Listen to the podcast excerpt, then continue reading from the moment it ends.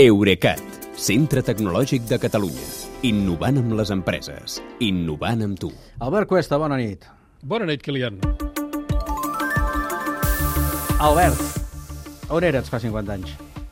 Ui, al col·le, no? A la- Suposo que Sí? l'escola, està bé. pensar. Uh, sí, a l'escola. Sí? Bé, doncs, em sembla que encara no t'haurien trucat a tu, ara sí No. ja, perquè ets un home d'això de les tecnologies, segur que la trucada seria per tu. Aleshores no ho va ser, fa mig segle de la primera trucada de telèfon mòbil. Uh, va ser el 3 d'abril de 1973 i va anar així. Hi, Joel. It's Marty Cooper. Hi, Marty, he says. I'm calling you from a cell phone. Qui és qui, qui parla? Em cell sentim Martin Cooper, oi? phone. Personal. Uh, efectivament, aviam, depèn de qui li demanis, perquè uh, avui li he demanat al xat GPT i es confon d'interlocutors, uh, una mostra més de la seva poca fiabilitat. Però nosaltres podem confirmar que qui parla i qui estem sentint és el doctor Martin Cooper, enginyer de ràdio i l'any 73 vicepresident de Motorola, quan va simular l'any 2015 per Bloomberg aquella trucada de 1973 des del mateix lloc on es va fer, que és la cruïlla de la sisena avinguda i el carrer 54 de Manhattan, a Nova York.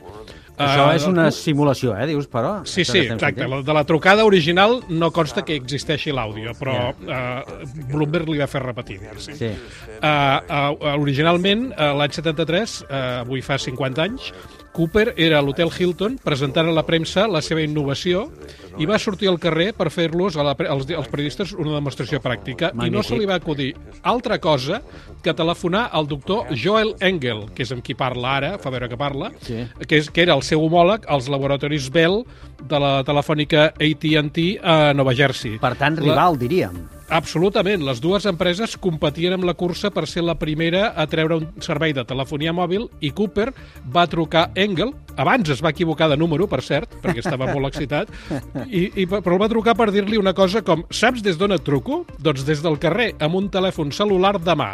Patapam. I, i segons Cooper, eh, el seu interlocutor es va quedar mut en comprovar que li havien passat al davant.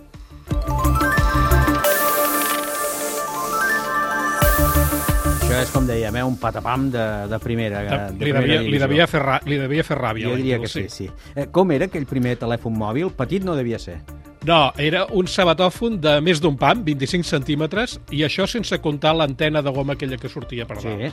Uh, tot i que en diem el primer mòbil, en realitat el que va ser és el primer telèfon portàtil, perquè de mòbils ja n'hi havia des dels anys 50, uh, tot i que anaven muntats dins de cotxes amb aquella maleta que els oients més veterans potser recordaran. I tant, i tant. El de 1973, això sí, va ser el primer telèfon realment portàtil, que no anava endollat en lloc perquè funcionava amb bateria. Uh, la bateria aquesta només durava 25 minuts, però Cooper va explicar el mes passat a Barcelona, on va venir amb 94 anys a rebre un premi del Mobile World Congress, que tampoc passava res perquè, pels, perquè pesava gairebé 800 grams i tampoc el portaves gaire estona a la mà. Clar.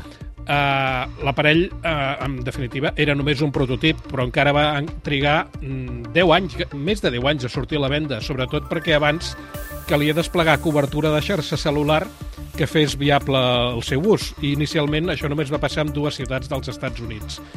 La primera trucada comercial es va fer l'octubre de 1983 des de Chicago i la va rebre el net d'Alexander Graham Bell, que Sí. aquest, sí, va intentar, aquest és el que va inventar el telèfon fix. Sí, sí, és una bona tria eh, de personatges, cert? Sí, efectivament. Uh, Motorola va començar a vendre l'aparell uh, amb el nom de Dynatac 8000X per un preu de 4.000 dòlars de l'any 73, que ara serien més d'11.000 euros. Uh, tot i això, el preu, uh, ja aleshores Martin Cooper tenia clar que amb els anys tothom tindria mòbil. I ho va clavar, eh? Mig segle més tard. Ara gairebé diria, vaja, diria que no deu quedar ni un ciutadà en aquest món gairebé, va, sí que n'hi deu haver, però deu quedar molt poca gent sense mòbil, no? Uh, aviam, és probable que hi hagi algú com, jo que sé, els nadons, que, que encara no tenen mòbil, i les Bé, persones cada, que viuen... cada vegada més aviat Cada vegada l'edat, ja ho sabem que l'edat Sí, sí, sí. baixa és cada vegada més baixa, però quan surts del, del niu, diguéssim... Encara no, potser.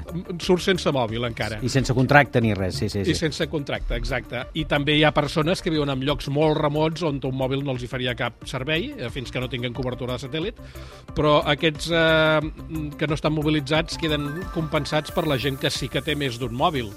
Eh, segons GSMA, al final de l'any passat hi havia al món 5.400 milions d'abonats de telefonia mòbil i aquest any l'acabarem amb 6.300 milions. I si parlem de línies de telefonia mòbil actives, són més de 8.400 milions, i això supera el total de la població mundial. Per tant, que al final el que definirà si ets un ésser humà o no serà si tens mòbil o no, gairebé. Podríem dir-ho que sí, parlarem Gairebé. amb, un, amb algun sociòleg. Cert. Bé, tot està canviant. Eh, moltes gràcies, Albert. Fins demà. Ja et farem una trucada. Una trucada. Que vagi bé. Bona nit, Kilian. Ciao. Fins demà.